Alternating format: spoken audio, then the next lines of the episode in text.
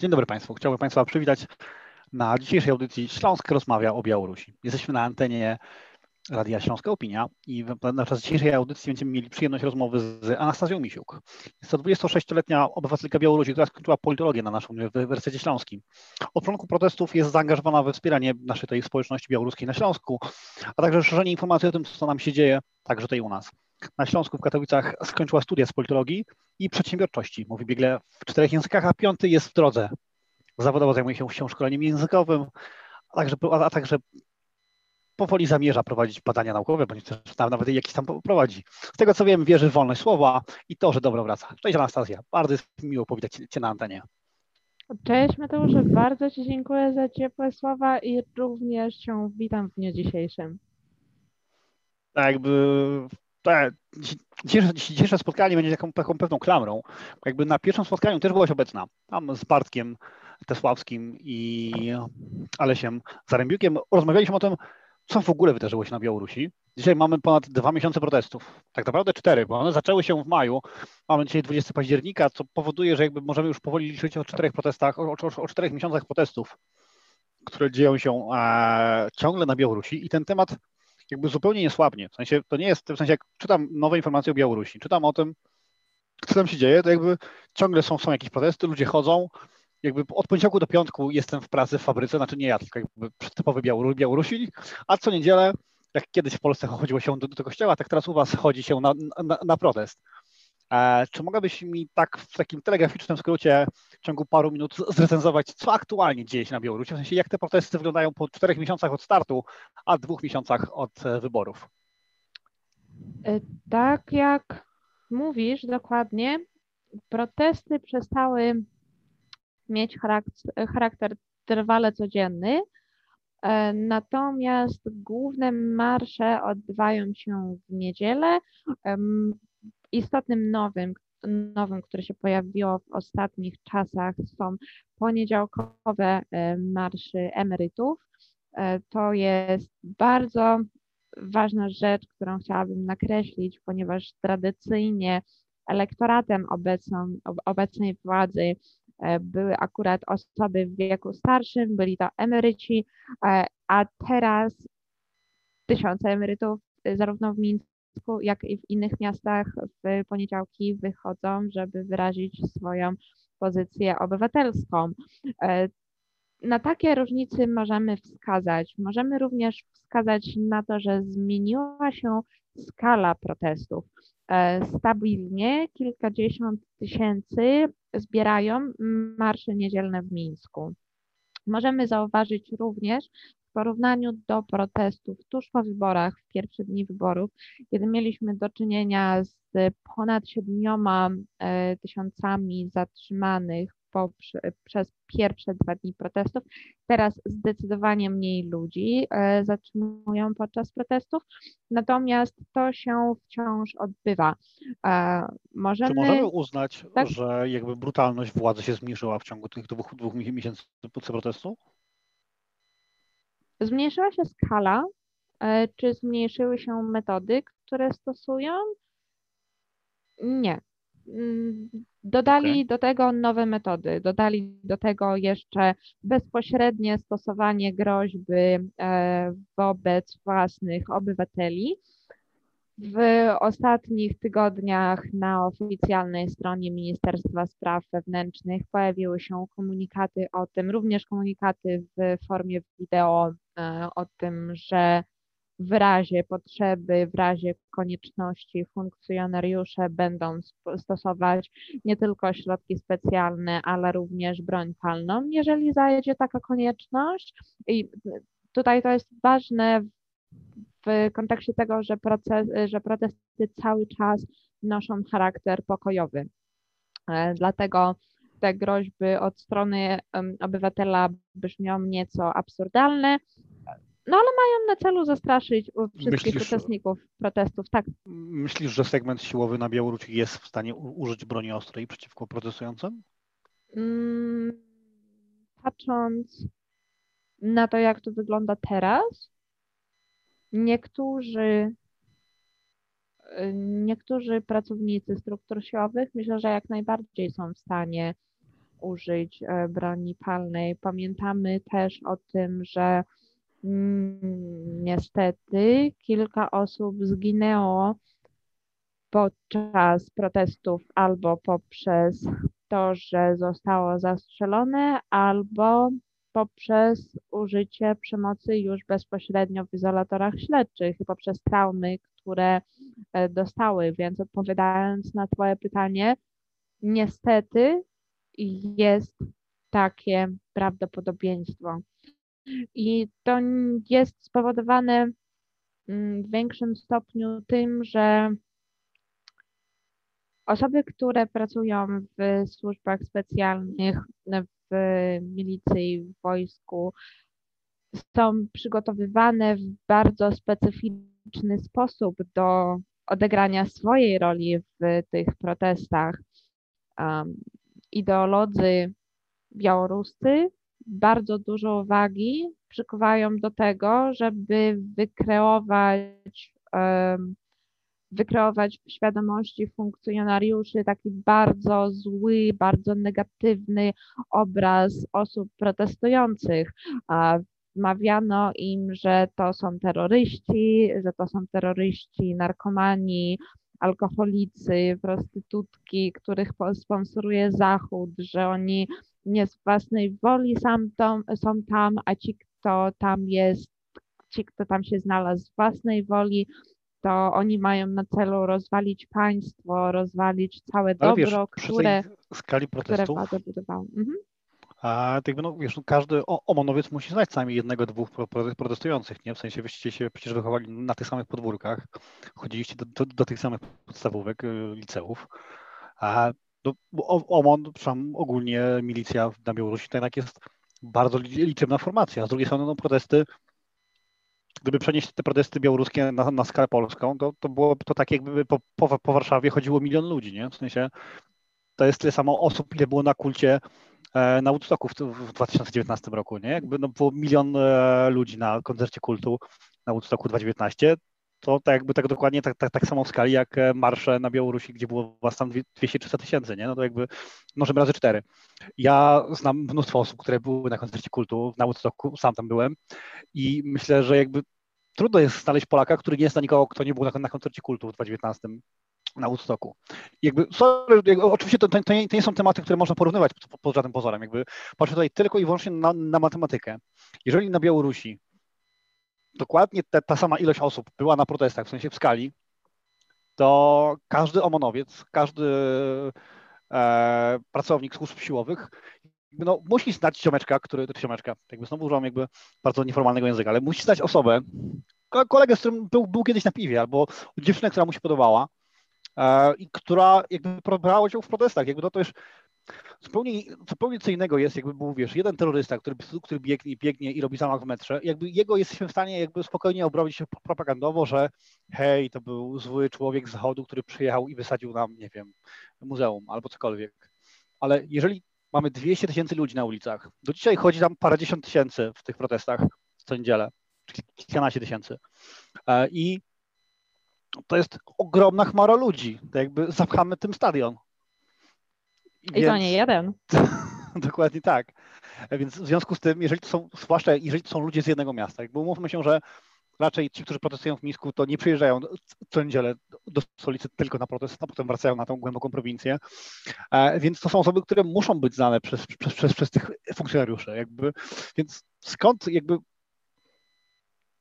jakby ciężko jest mi uwierzyć, jakby sam propagandysta jest w stanie e, przekonać funkcjonariusza, że hej, to są ludzie, którzy jakby, którzy, którzy są e, nieswoi, jakby wiesz, unioterroryści, e, osoby kupione. Jakby skąd w, ogóle z jednej strony jakby utrzymuje się to poparcie w, w, w segmencie siłowym według ciebie, albo jak tam wiadomo, jak, jak tam się mhm. orientujesz, oraz co mogłoby przekonać segment siłowy do przejścia na stronę opozycji? W sensie, czy masz tak, jakiś taki pomysł albo ideę, co opozycja mogłaby zaoferować omonowcom, żeby ci e, zmienili jakby barwy polityczne? Raczej, raczej aktualnie nie ma takiego scenariusza w ogóle rozważanego w, w, w dyskursie białoruskim, nie wiem, gdzieś tam w waszych mediach opozycyjnych. To zacznijmy po kolei. Po pierwsze, Jasne, ja jak zwykle rzuciłem z tematów. Jeżeli już, jeżeli już e, trzymamy się porównania z koncertem Fultu na e, Woodstocku, to nawet na koncercie znajdą się osoby, które nie do końca dobrze się bawią, mimo że cała reszta bawi się świetnie. Znajdą się osoby, znajdzie się taki margines błędu, który jakby chciałby w ogóle jakikolwiek, jakiś inny koncert, e, który uważa, że wszyscy inni to się bawią niesłusznie, w taki sposób to, mm, w taki, w taki sposób to funkcjonuje. Odpowiadając na Twoje drugie pytanie, czynniki motywujące, tak, no oczywiście możemy wspomnieć jeszcze o takim bardzo pragmatycznie na to patrząc, o czynniku, e, o czynniku pieniężnym. E, funkcjonariusze e, OMON, to jest białoruskie ZOMO, całkiem nieźle zarabiają w swojej pracy. Ich płace są bardzo konkurencyjne w stosunku nawet do płac pracowników branży IT, które są uważane za jedne z najwyższych płac, w, tak, które są uważane za jedne z najwyższych e, płac w Białorusi. Ostatnio było nawet przecudowne zestawienie tego, jak komitet, e, komitet strajku, e, komitet organizacyjny strajku na Białoruskali to jest przedsiębiorstwo, które zajmuje się wydobyciem złóż, które się, to, tak, które, się, e, które się zajmuje wydobyciem złóż i oni zrobili takie zestawienie butów, e, które prozaicznie dość, butów, które noszą e, robotnicy na przedsiębiorstwie, jednym z najpotężniejszych na przedsiębiorstwie państwowym, które bardzo dużo pieniędzy Taki dla gospodarki naszego zdobywa. KGHM-u? Może tak być. Mhm. Może tak być, można by było je porównać. E, oraz e, buty, które z, państw, z budżetu państwa, czyli bezpośrednio z pieniędzy podatników, e, kupuje się dla pracowników ZOMO. No i są, jeżeli te pierwsze kosztują 12 dolarów, przeliczeniu na walutę OSA, na, na walutę OSA i są wyjątkowo niekomfortowe i zgodnie z opisem ludzi, którzy je noszą w pracy, stwarzają uczucie, że się jest niewolnikiem e, i że takie oto buty gwarantują zdecydowanie jakieś choroby stawów w wieku emerytalnym o tyle buty, które noszą e, pracownicy ZOMO gwarantują super mega komfort i kosztują 210 e, do 250 dolarów w przeliczeniu na walutę USA i w taki bardzo pragmatyczny i obrazowy sposób widzimy, że e, system, reżim bardzo dba o tych funkcjonariuszy, wynagradza ich starania, pod względem prawnym też warto by było spojrzeć na ten temat i powiedzieć o tym, że żadne postępowanie nie było wszczęte w związku z przemocą, która była stosowana poprzez funkcjonariuszy właśnie policji i służb specjalnych. Natomiast multum postępowań było wszczęte z powodu właśnie przemocy wobec policjantów ze strony obywateli. E, chociaż takich przypadków e, prawie się nie zdarzyło, aczkolwiek wiadomość z dnia dzisiejszego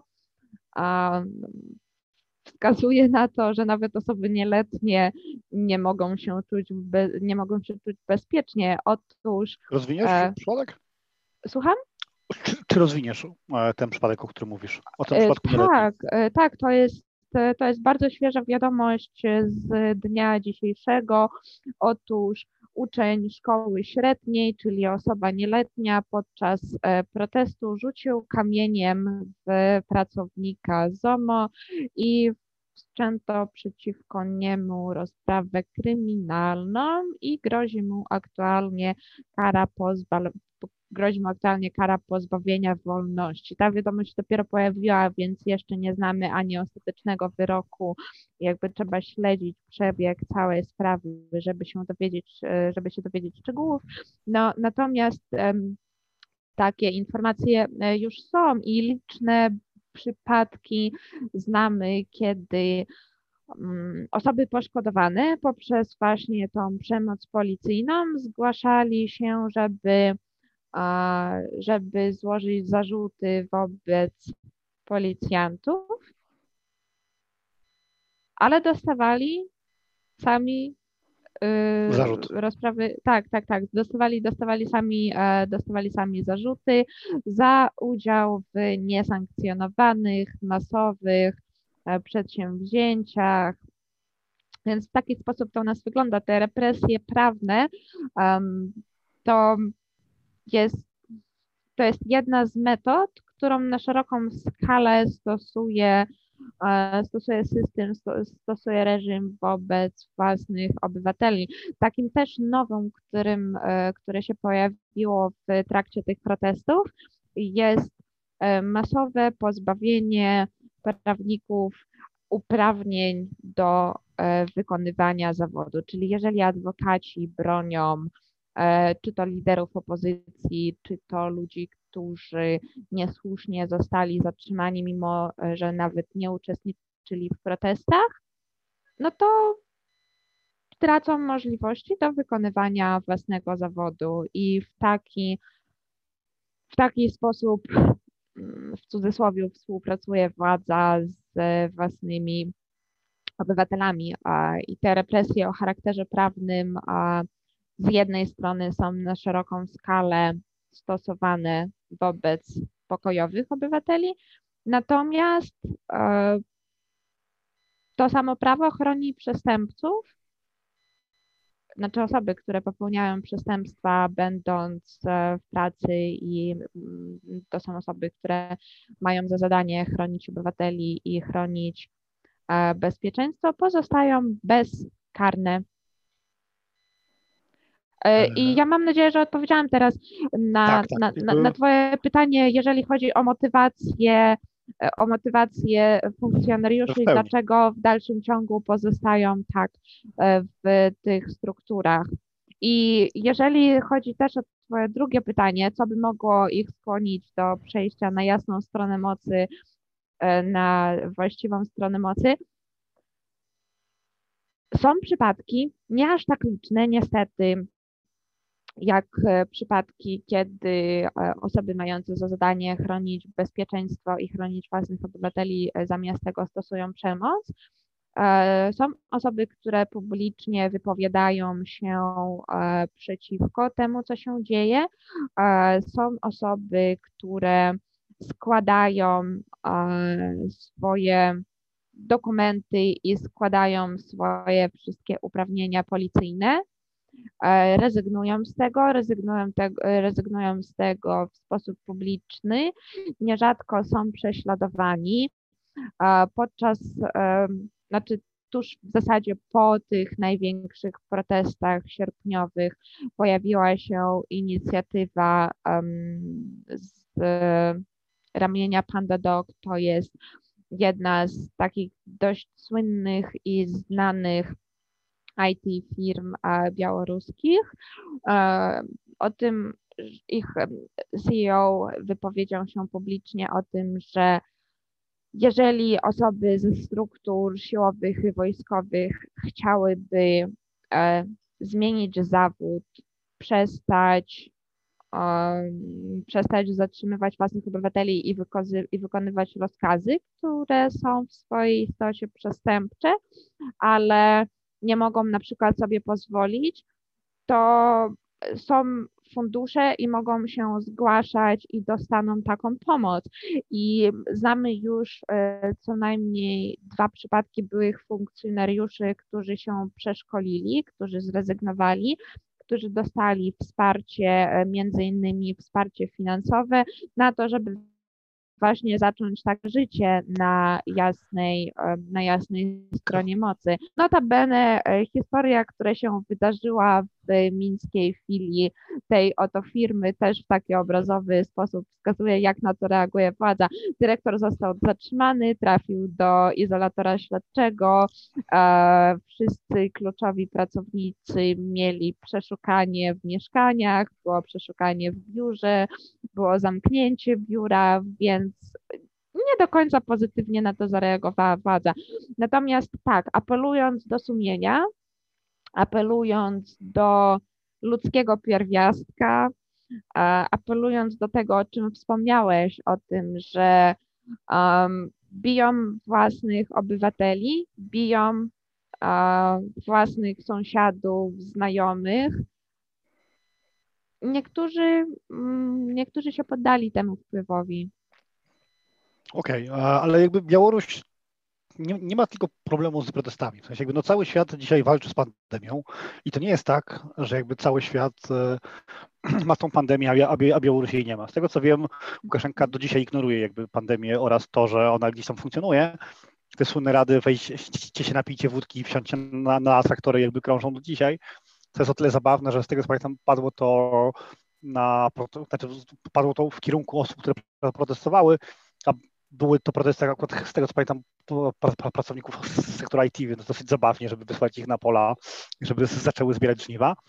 E, ale jak wygląda sytuacja pandemiczna w, na Białorusi? W sensie, czy macie, jakby, ja prawdę mówiąc nie wiem nic o tym, co się dzieje e, pandemicznie na, na, na Białorusi, ponieważ chciałem coś znaleźć w sieci, ale jakby z jednej strony mam te żarty, znaczy żarty, jakby poważne wypowiedzi byłego prezydenta Aleksandra Łukaszenki o tym, że należy ignorować e, tą chorobę, jakby iść dalej.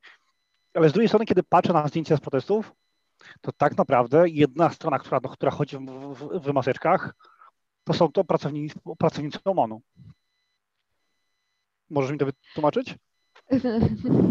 Tak, ja się z Tobą całkowicie zgadzam, natomiast przyczyna, dla którą mają na sobie maski, jest nieco inna niż dbanie o bezpieczeństwo publiczne. Prędzej to jest dbanie o bezpieczeństwo własne, gdyż jedną z metod walki z mm, represjami od strony obywateli stała się deanonimizacja pracowników ZOMO, pracowników OMON-u, między innymi wolontariusze z sektora IT, tak zwani cyberpartyzani, e, za pomocą sztucznej inteligencji, e, notabene to są bardzo podobne oprogramowania do tych, które są używane w służbach specjalnych i w strukturach wojskowych, to, to są oprogramowania, które pozwalają rozpoznawać twarze, e, po prostu deanonimizują pracowników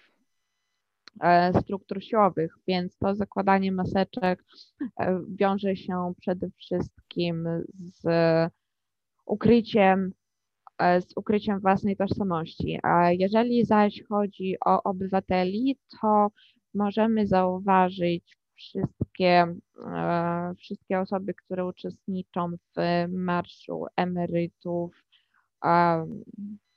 że, że oni akurat na sobie maseczki mają cały czas, dbają o swoje zdrowie i pokazują młodym ludziom bardzo dobry przykład i pokazują im, e, jak trzeba się zachowywać w obecnych warunkach. Jeżeli chodzi o Twoje pierwsze ogólne pytanie, tak, bardzo słusznie e, wspomniałeś i przypomniałeś o tych absurdalnych metodach. E, napijmy się wódki, e, wsiądźmy w traktor i zagrajmy w hokeja i wtedy już wirus umrze, no bo nie żyje przecież na lodzie, jak gramy w hokeja. I to pokazuje stosunek władzy oficjalnej do całej sytuacji pandemicznej. Prawda oczywiście jest taka, że jak wybuchnęła pandemia, to władzy było nie stać zamknąć cały kraj w lockdownie na kwarantannę, dlatego trzeba było w każdy możliwy sposób negować rzeczywistość, i mówić o tym, że mamy do czynienia z nieistniejącym problemem.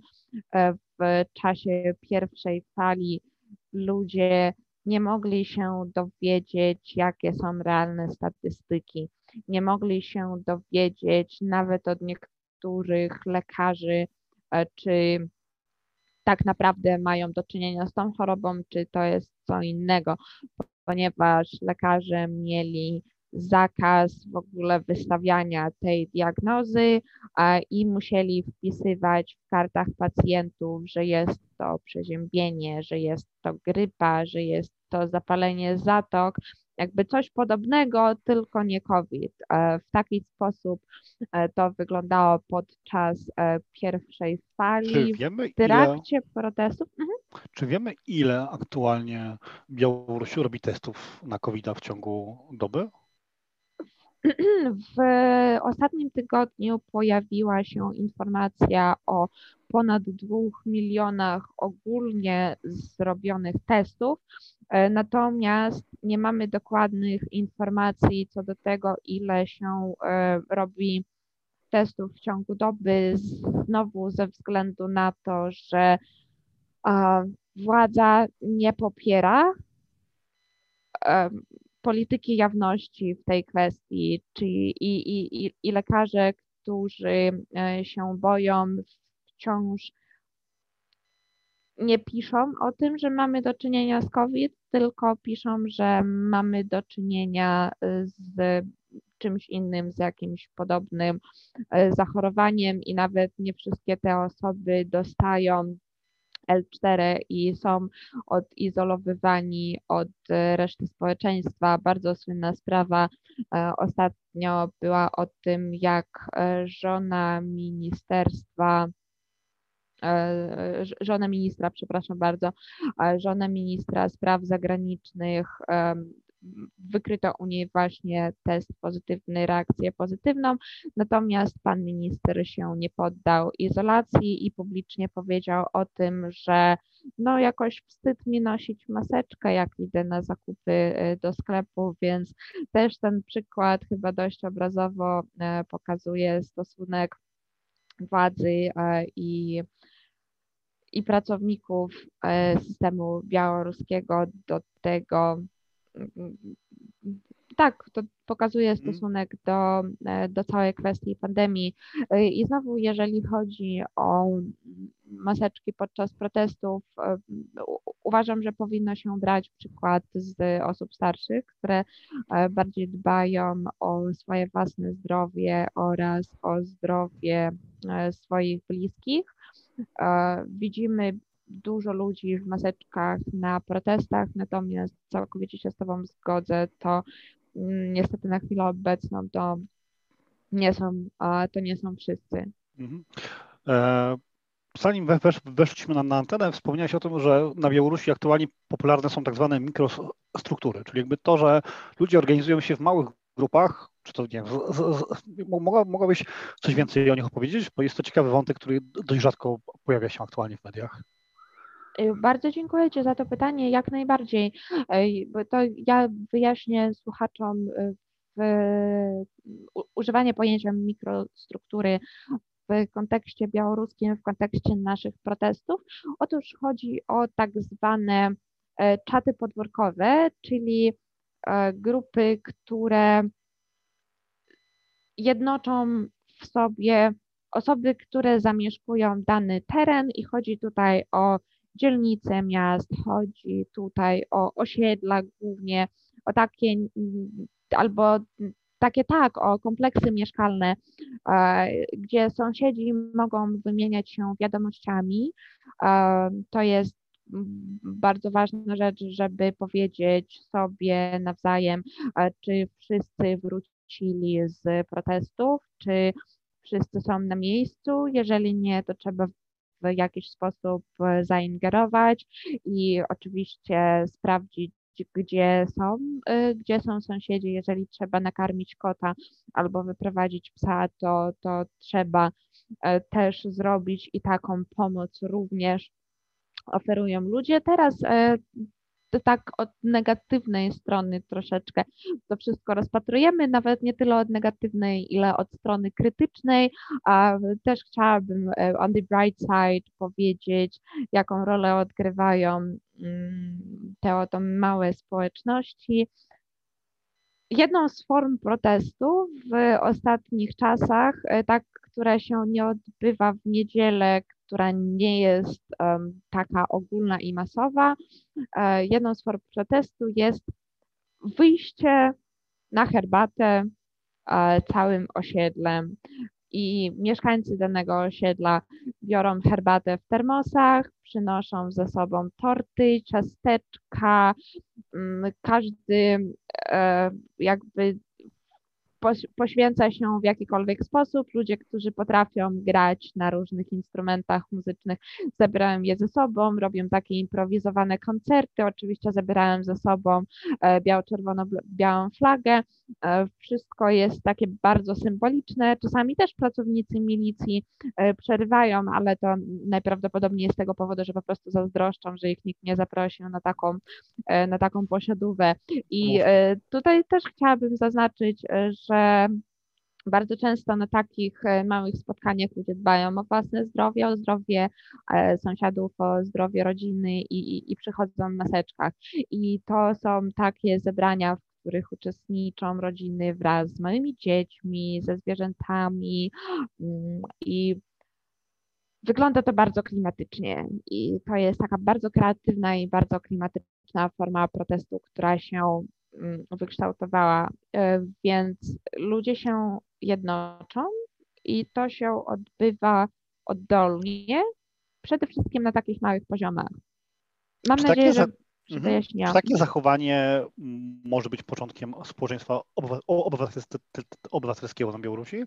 Czy myślisz, Myślę. że tego typu takie mhm. rzeczy mogą nauczyć Białorusinom współpracować nie z władzą, ale tak jakby wiesz, w sensie w ramach tych takich wiesz, małych lokalnych społeczności, gdzie potem jakby ta współpraca będzie jakoś wiesz, rosła i, i, i procentowała w przyszłości, nawet jeżeli nie wiem, skończycie rewolucję, będziecie mieli już, już swojego prezydenta, czy panią prezydentczynię, to czy zamiast, to czy jakby te wspólnoty lokalne przetrwają, jakby czy one jakby będą dalej, e, w sensie czy jakby myśl, czy jakby, teraz jakby to ładnie ubrać słowa, czy wydaje Ci się, że jak skończą się całe protesty, to, to przywiązanie do lokalnej społeczności pozostanie wśród tych ludzi? Mm. To zacznę od początku. E, jak najbardziej. E, jak najbardziej odpowiadając na Twoje pytanie dotyczące społeczeństwa obywatelskiego. I po, powtarzałam to niejednokrotnie i powiem to raz jeszcze. E, Białoruś jest takim dość unikatowym przykładem tego, jak społeczeństwo obywatelskie pojawiło się nie dlatego, że budowanie społeczeństwa obywatelskiego stało się priorytetowym kierunkiem polityki państwa, tylko z odwrotnych przyczyn. Ludzie przestali masowo liczyć na organy państwowe. W ciągu ostatnich 26 lat doskonale zdali sobie sprawę z tego, że raczej wolą unikać takiej współpracy, ponieważ najprawdopodobniej prawdopodobnie to się skończy jakąś represją albo kompletnym niepowodzeniem, e, jakakolwiek próba nawiązania współpracy z władzą. Dlatego, e, dlatego społeczeństwo obywatelskie na Białorusi zaczęło się od tego, że Białorusini nauczyli się liczyć na siebie tylko i wyłącznie w pierwszej kolejności, a nie na władzę. A po drugie, podczas protestów jak najbardziej ta integracja odegrała znaczącą rolę. Odpowiadając na Twoje pytanie, czy to się będzie kontynuowało, ku temu wszystko zmierza. Mam nadzieję, że to się będzie rozwijało w taki sposób. Tym, co teraz jednoczy Białorusinów masowo, jest wspólny problem i wspólne zadanie, które należy rozwiązać. I tutaj opinie wielu Białorusinów, e, którzy mogliby się ze sobą nie zgadzać w takich sprawach e, codziennych, w tym akurat przypadku one są zgodne, tak? Bo wszyscy chcą zmian. Czy to się będzie rozwijało aż na taką skalę, na jaką to się rozwija teraz? Myślę, że nie. Natomiast dzięki tym protestom wielu Białorusinów poznało ludzi o bardzo podobnych poglądach, o bardzo podobnych wartościach. Więc e, takie relacje zdecydowanie będą, będą się rozwijały. I ja osobiście e, bardzo bym chciała, żeby te mikrostruktury też, e, też się rozwijały w taki sposób. Jakby protesty na Białorusi trwają już dwa miesiące, a, a, a tak, tak naprawdę, naprawdę cztery. I jakby przez te, przez te kilka miesięcy, na, na chwilę odbiegając od tego pięknego małego kraju między Polską a Rosją, otrzymaliście całkiem sporo poparcia od opinii międzynarodowej. Jakby aktualnie jest konflikt w Azerbejdżanie, który jakby trochę kradnie wam światło, ale szczególnie w sierpniu czy, czy, czy, czy we wrześniu, a nawet jeżeli opinia międzynarodowych polityków nie była tak głośna, jak pewnie byście chcieli, to, diaspor, to, diaspor, to diaspory białoruskie gromadziły się w różnych, w różnych miejscach, czy to u nas w kraju, czy, ale, ale, ale także generalnie e, w Europie. Jak tego typu aktywności były postrzegane na Białorusi? Czy w ogóle jakby te informacje dochodziły do Białorusi, do, do, do, do Białorusinów, w sensie przebijały się, nie wiem, przez reżimowe media albo, albo przez NEHD, czy inne kanały mhm. na Telegramie, czy, jakby, czy, ta, czy, czy te rzeczy w ogóle pozostały bez echa, ponieważ nikt nie dowiózł tak jakby tych informacji na miejsce? Y, to jest, to jest bardzo dobre pytanie, szczególnie, że szczególnie, że bezpośrednio dotyczy tej rzeczywistości. Z jednej strony zarówno media państwowe, jak i media opozycyjne głównie skupiają się na tym, co się dzieje w kraju i mniej uwagi poświęcają e, temu, co się dzieje poza granicami Białorusi. Oczywiście do mediów opozycyjnych trafiają informacje o największych akcjach solidarnościowych, e, które się dzieją. I niekoniecznie mówimy tutaj o ilości osób, które, które uczęszczają na te oto wydarzenia. E, też przebijają się informacje o najbardziej kreatywnych, na przykład e, akcjach solidarnościowych, tak? Tam, gdzie wydarzyło się, wydarzyło się coś e, nadzwyczajnego, e, co, co jest już samo w sobie takim newsmakerem, no to o tym oczywiście piszą i to nagłaśniają media opozycyjne. Natomiast jeżeli chodzi o niewielkie akcje lub pojedyncze akcje solidarnościowe e, na troszeczkę mniejszą skalę, to te informacje bardzo rzadko docierają do odbiorców poprzez kanały medialne, ale za to docierają do Białorusinów poprzez poprzez media społecznościowe, bezpośrednio poprzez uczestników tych wydarzeń. I teraz, jeżeli chodzi o reakcję, to reakcja jest niesamowicie pozytywna.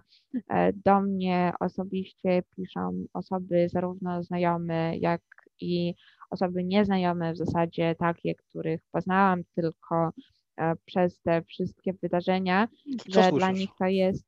E, słucham? I co słyszysz? W sensie, co jakby mówią ci Białorusini? Mhm że dla nich to jest niesamowicie ważne, że bardzo ich podnosi na duchu to, że e, o nich nie zapomnieliśmy, to, że walczymy, to, że mimo dzieli nas ta odległość, tam setki, tysiące, dziesiątki tysięcy kilometrów, e, to mimo wszystko mamy wspólny cel, mamy wspólną wizję e, szczęśliwej przyszłości naszej ojczyzny i że tak jak możemy na odległość też tę wizję realizujemy.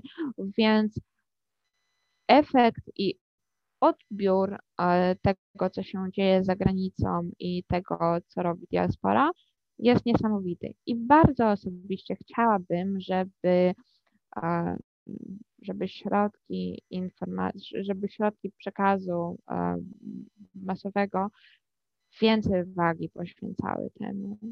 E, wiem, że to, co się dzieje w kraju, to jest najważniejsze, natomiast każdy Białorusin również poza granicami państwa e, troszeczkę przykłada się do tej historii, która się dzieje. Ty jakby jesteś jedną, jedną z bardziej aktywnych Białorusinek czy Białorusinów w Katowicach. Z tego co wiem, brałeś udział i w protestach na rynku i prowadziłaś dla, wykłady dla katowiczan w Klubu Czajow Teoria. Wziąłeś udział ostatnio w Kongresie Kobiet, gdzie jakby re, re, reprezentowałaś białoruskie kobiety i mówiłaś ogólnie o, o, protestach i o tym, że wszyscy na Białorusi protestują. Ostatnio byłaś na spotkaniu ze, ze Stowarzyszenia Współpracy ze Wschodem. Byłaś nawet na maratonie pisania listów z Amnesty International w Katowicach. Jasne, ten, to, nie, to nie był jakby najbardziej spektakularny e, maraton, ponieważ on, on odbył się na granicy wprowadzenia nowych obostrzeń covidowych, ale jakbyś mogła powiedzieć, co ogólnie sądzisz o, o tego typu inicjatywach, jak one, one, są odbierane przez ciebie, czy jakby przez właśnie diasporę białoruską tutaj u nas? Mm. Też bardzo Ci e, dziękuję za to pytanie. To, to zacznijmy od początku. Mm, jeżeli, albo od końca, nie, zacznijmy od końca, jak odbierane przez, e, przez diasporę. Zacznę od, e, od obu stron nie wszyscy członkowie diaspory biorą udział w tych wydarzeniach i w tych protestach. Różne są ku temu powody. Niektórzy mogą obawiać się o własne bezpieczeństwo, dlatego e, mogą nie chcieć ujawniać swojej obecności na tego typu wydarzeniach.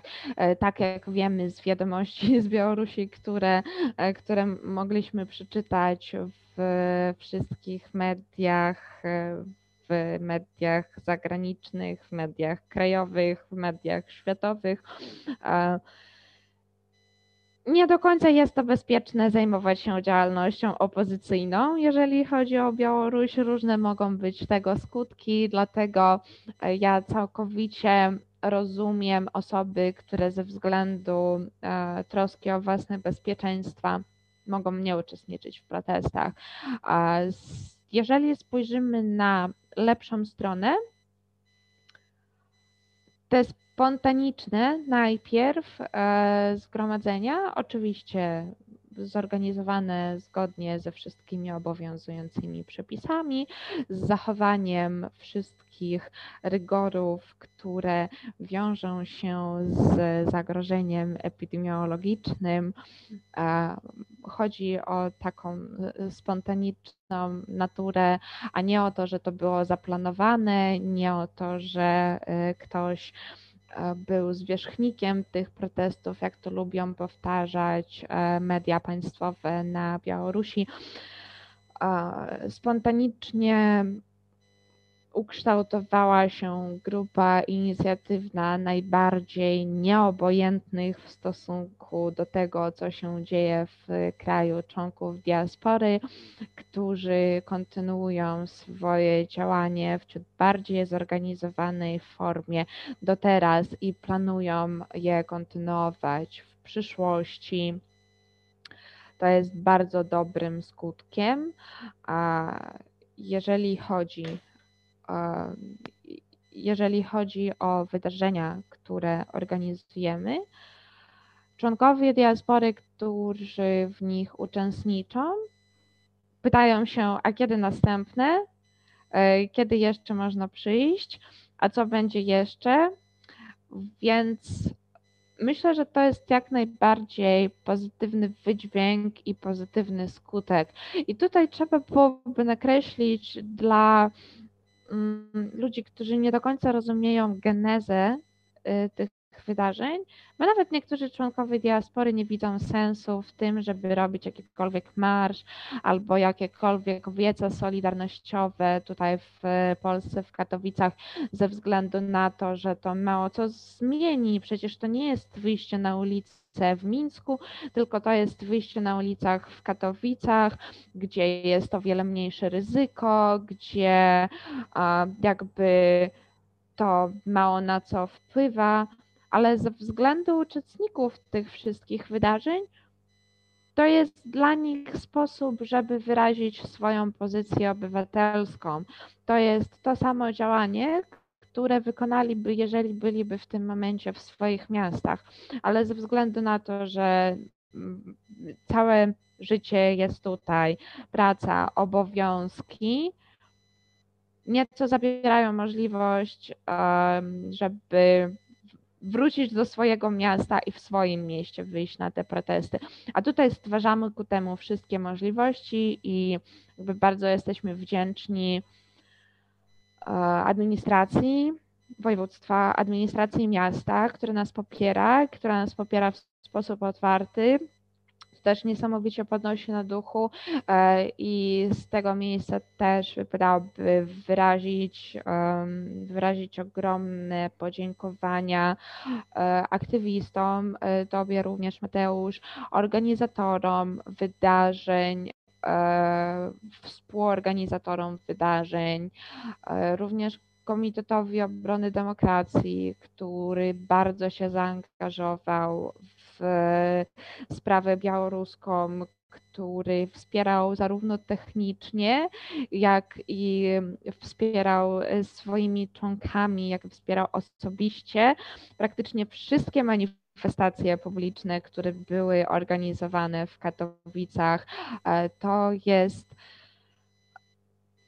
to jest cudowne, to jest niesamowicie wzruszające, e, jak bardzo aktywni członkowie społeczności lokalnej angażują się w białoruski temat i jak bardzo wspierają Białorusinów.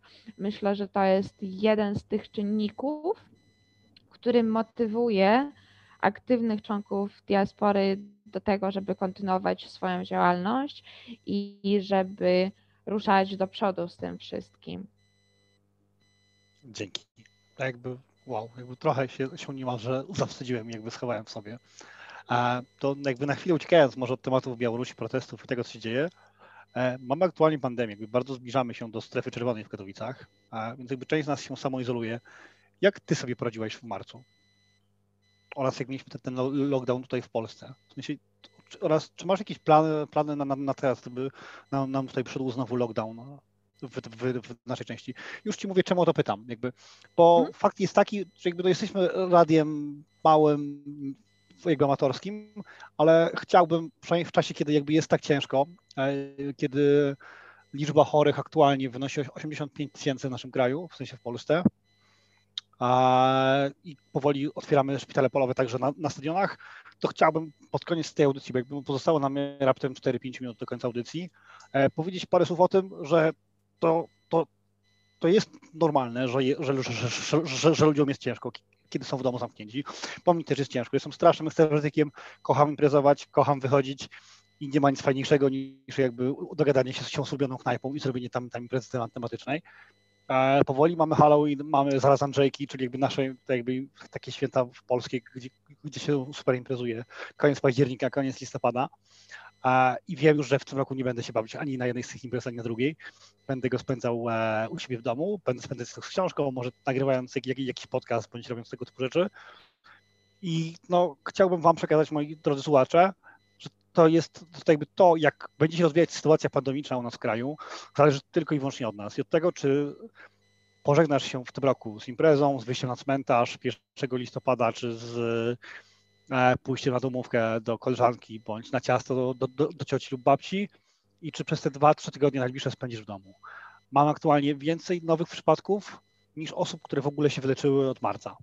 Więc jakby poza to jakby moją teraz długą przemową, ja tutaj mógłbym mówić teraz nawet przez pół godziny na ten temat, to nie o to chodzi. Chciałbym się zapytać mojej gościni e, Anastazji, jak ona sobie radzi w takich sytuacjach i czy ona ma jakiś może swój pomysł, co można zrobić w domu, kiedy jakby się siedzi już drugi tydzień i policzyło się już wszystkie kafelki w swojej łazience? To zacznę też od początku.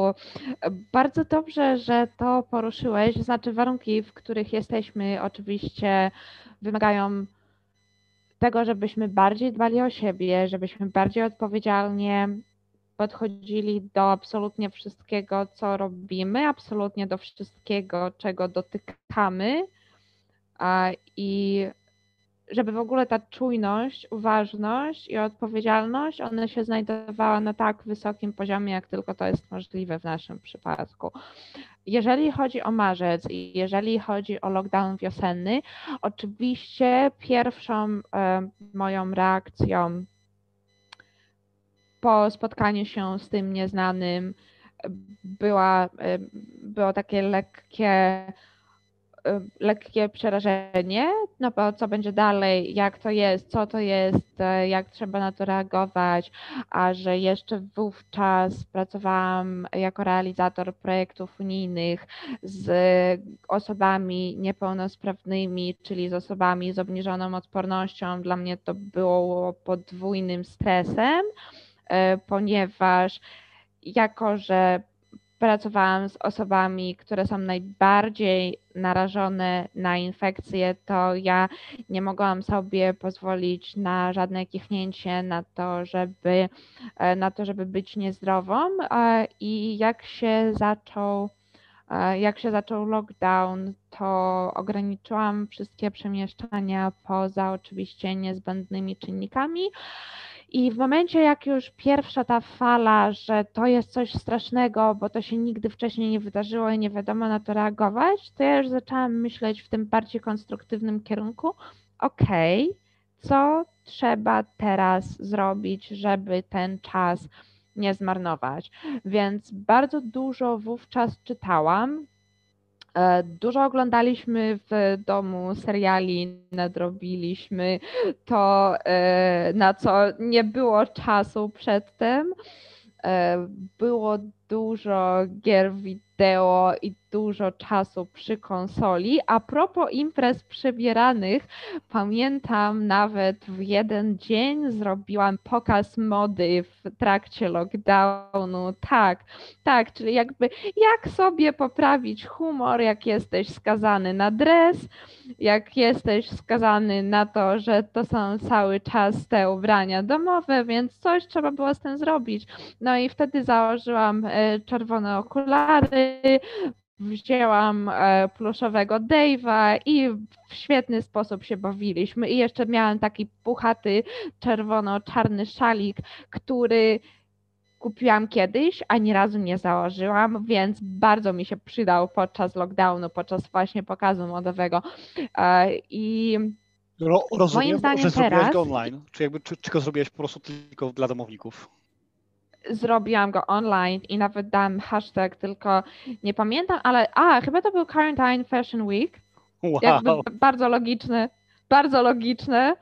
E, nie, Niestety chyba nikt nie poparł tego mojego flashmobu, ale je, jeżeli lockdown zdarzy się e, po raz następny, to zachęcam do popierania mojego flashmobu Quarantine Fashion Week. Zróbmy to razem, zróbmy taki Halloween albo cokolwiek przebieranego w formacie online. Będzie świetnie, będzie dobrze, będzie przynajmniej ciekawie i będzie to taki powód, żeby, e, żeby się uśmiechnąć. Więc odpowiadając na Twoje pytanie, co zrobię, jeżeli to się wydarzy po raz, e, po raz następny. Podejdę już na pewno mniej czasu zejdzie na to, żeby zaakceptować tą całą sytuację i żeby e, w sposób odpowiedni się w niej odnaleźć, bo jakby już przerobiliśmy ten scenariusz, e, już, już wyciągnęłam wnioski, z tego, jakie punkty, jakie punkty były najsłabsze e, i wzmocniłam aktualnie te wszystkie słabsze punkty i chciałabym nakreślić tylko to, że wszystko zależy tak naprawdę od nastawienia, z którym podchodzimy do czegokolwiek, w tym, do, w tym od nastawienia, z którym podchodzimy również do sytuacji e, kryzysowych. Ja osobiście uważam, że nie da się przebrnąć przez żaden kryzys, jeżeli najpierw tego kryzysu nie zaakceptujemy. Wszystko się zaczyna od akceptacji. I można to przenieść i porównać również z sytuacją na Białorusi. Najpierw trzeba powiedzieć otwarcie, tak, To jest sytuacja kryzysowa, to jest sytuacja, w której trzeba myśleć inaczej, to jest sytuacja, w której trzeba być o wiele bardziej uważnym, czujnym, odpowiedzialnym. E, to jest sytuacja, która będzie wymagała mobilizacji wszystkich zasobów, które się ma, która będzie wymagała kompletnie innego typu myślenia. Natomiast to jest wszystko do pokonania.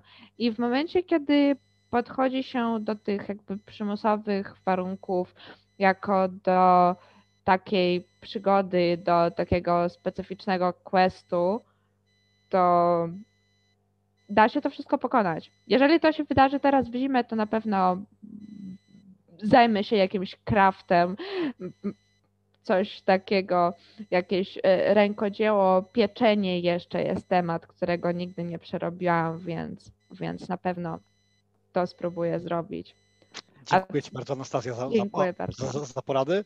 Jeżeli chodzi o mnie, to ja założyłem cyfrową wersję swojej, swojej ulubionej knajpy, gdzie jakby mm. jako stali goście knajpy spotykamy się tam i pijemy razem piwo i jakby widzimy się na kamerkach, więc jakby jest tak jakbyśmy byli w knajpie, tylko online. E, generalnie polecam, bo takich zasad, zadań serwery Discorda naprawdę spełniają super swoje, swoje zadanie. Poza tym faktem gram w gry fabularne przez sieć, Czyli jakby tak kiedyś spotykałem się z kolegami na domówkę po to, żeby razem poopowiadać różne historie i potworzyć i generalnie po, pobawić się w kreatywność. Tak teraz jesteśmy hobbitami czy innymi generalnie gimli e, z Władcy Pierścieni w online i jakby widzimy się na kamerkach i, i rzucamy kośćmi e, online. Bardzo fajne, polecam też. E, ale tak naprawdę niezależnie co będziecie robić, chciałbym Was poprosić o to, żebyście rozważyli chociaż częściową samoizolację i nie wychodzili z domu wtedy, kiedy nie jest to niezbędne to tyle z mojej strony. Jakby pamiętajmy o dystansie, półtora metra od każdego, nawet jak, jak jesteś w Lidlu i ktoś się na ciebie pcha, pójdź go przodem, bo lepiej jest, żeby zrobił zakupy 3 minuty później, niż żebyś wylądował w szpitalu z COVID-19.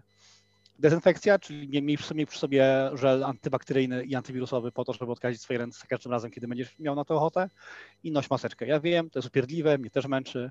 Ja często oddycham przez usta, więc moje maseczki są często mokre, więc zwykle jak wychodzę na spacer biorę z sobą cztery, i wszystkie cztery zużywam. E, biorę je częściej niż bieliznę, ale tak trzeba po prostu. Lepiej ubrudzić cztery maseczki na, na jednym spacerze, niż dać sobie szansę zarazić się e, tą straszną chorobą, bo to od nas zależy, jak pokonamy tą chorobę i jak się pójdziemy.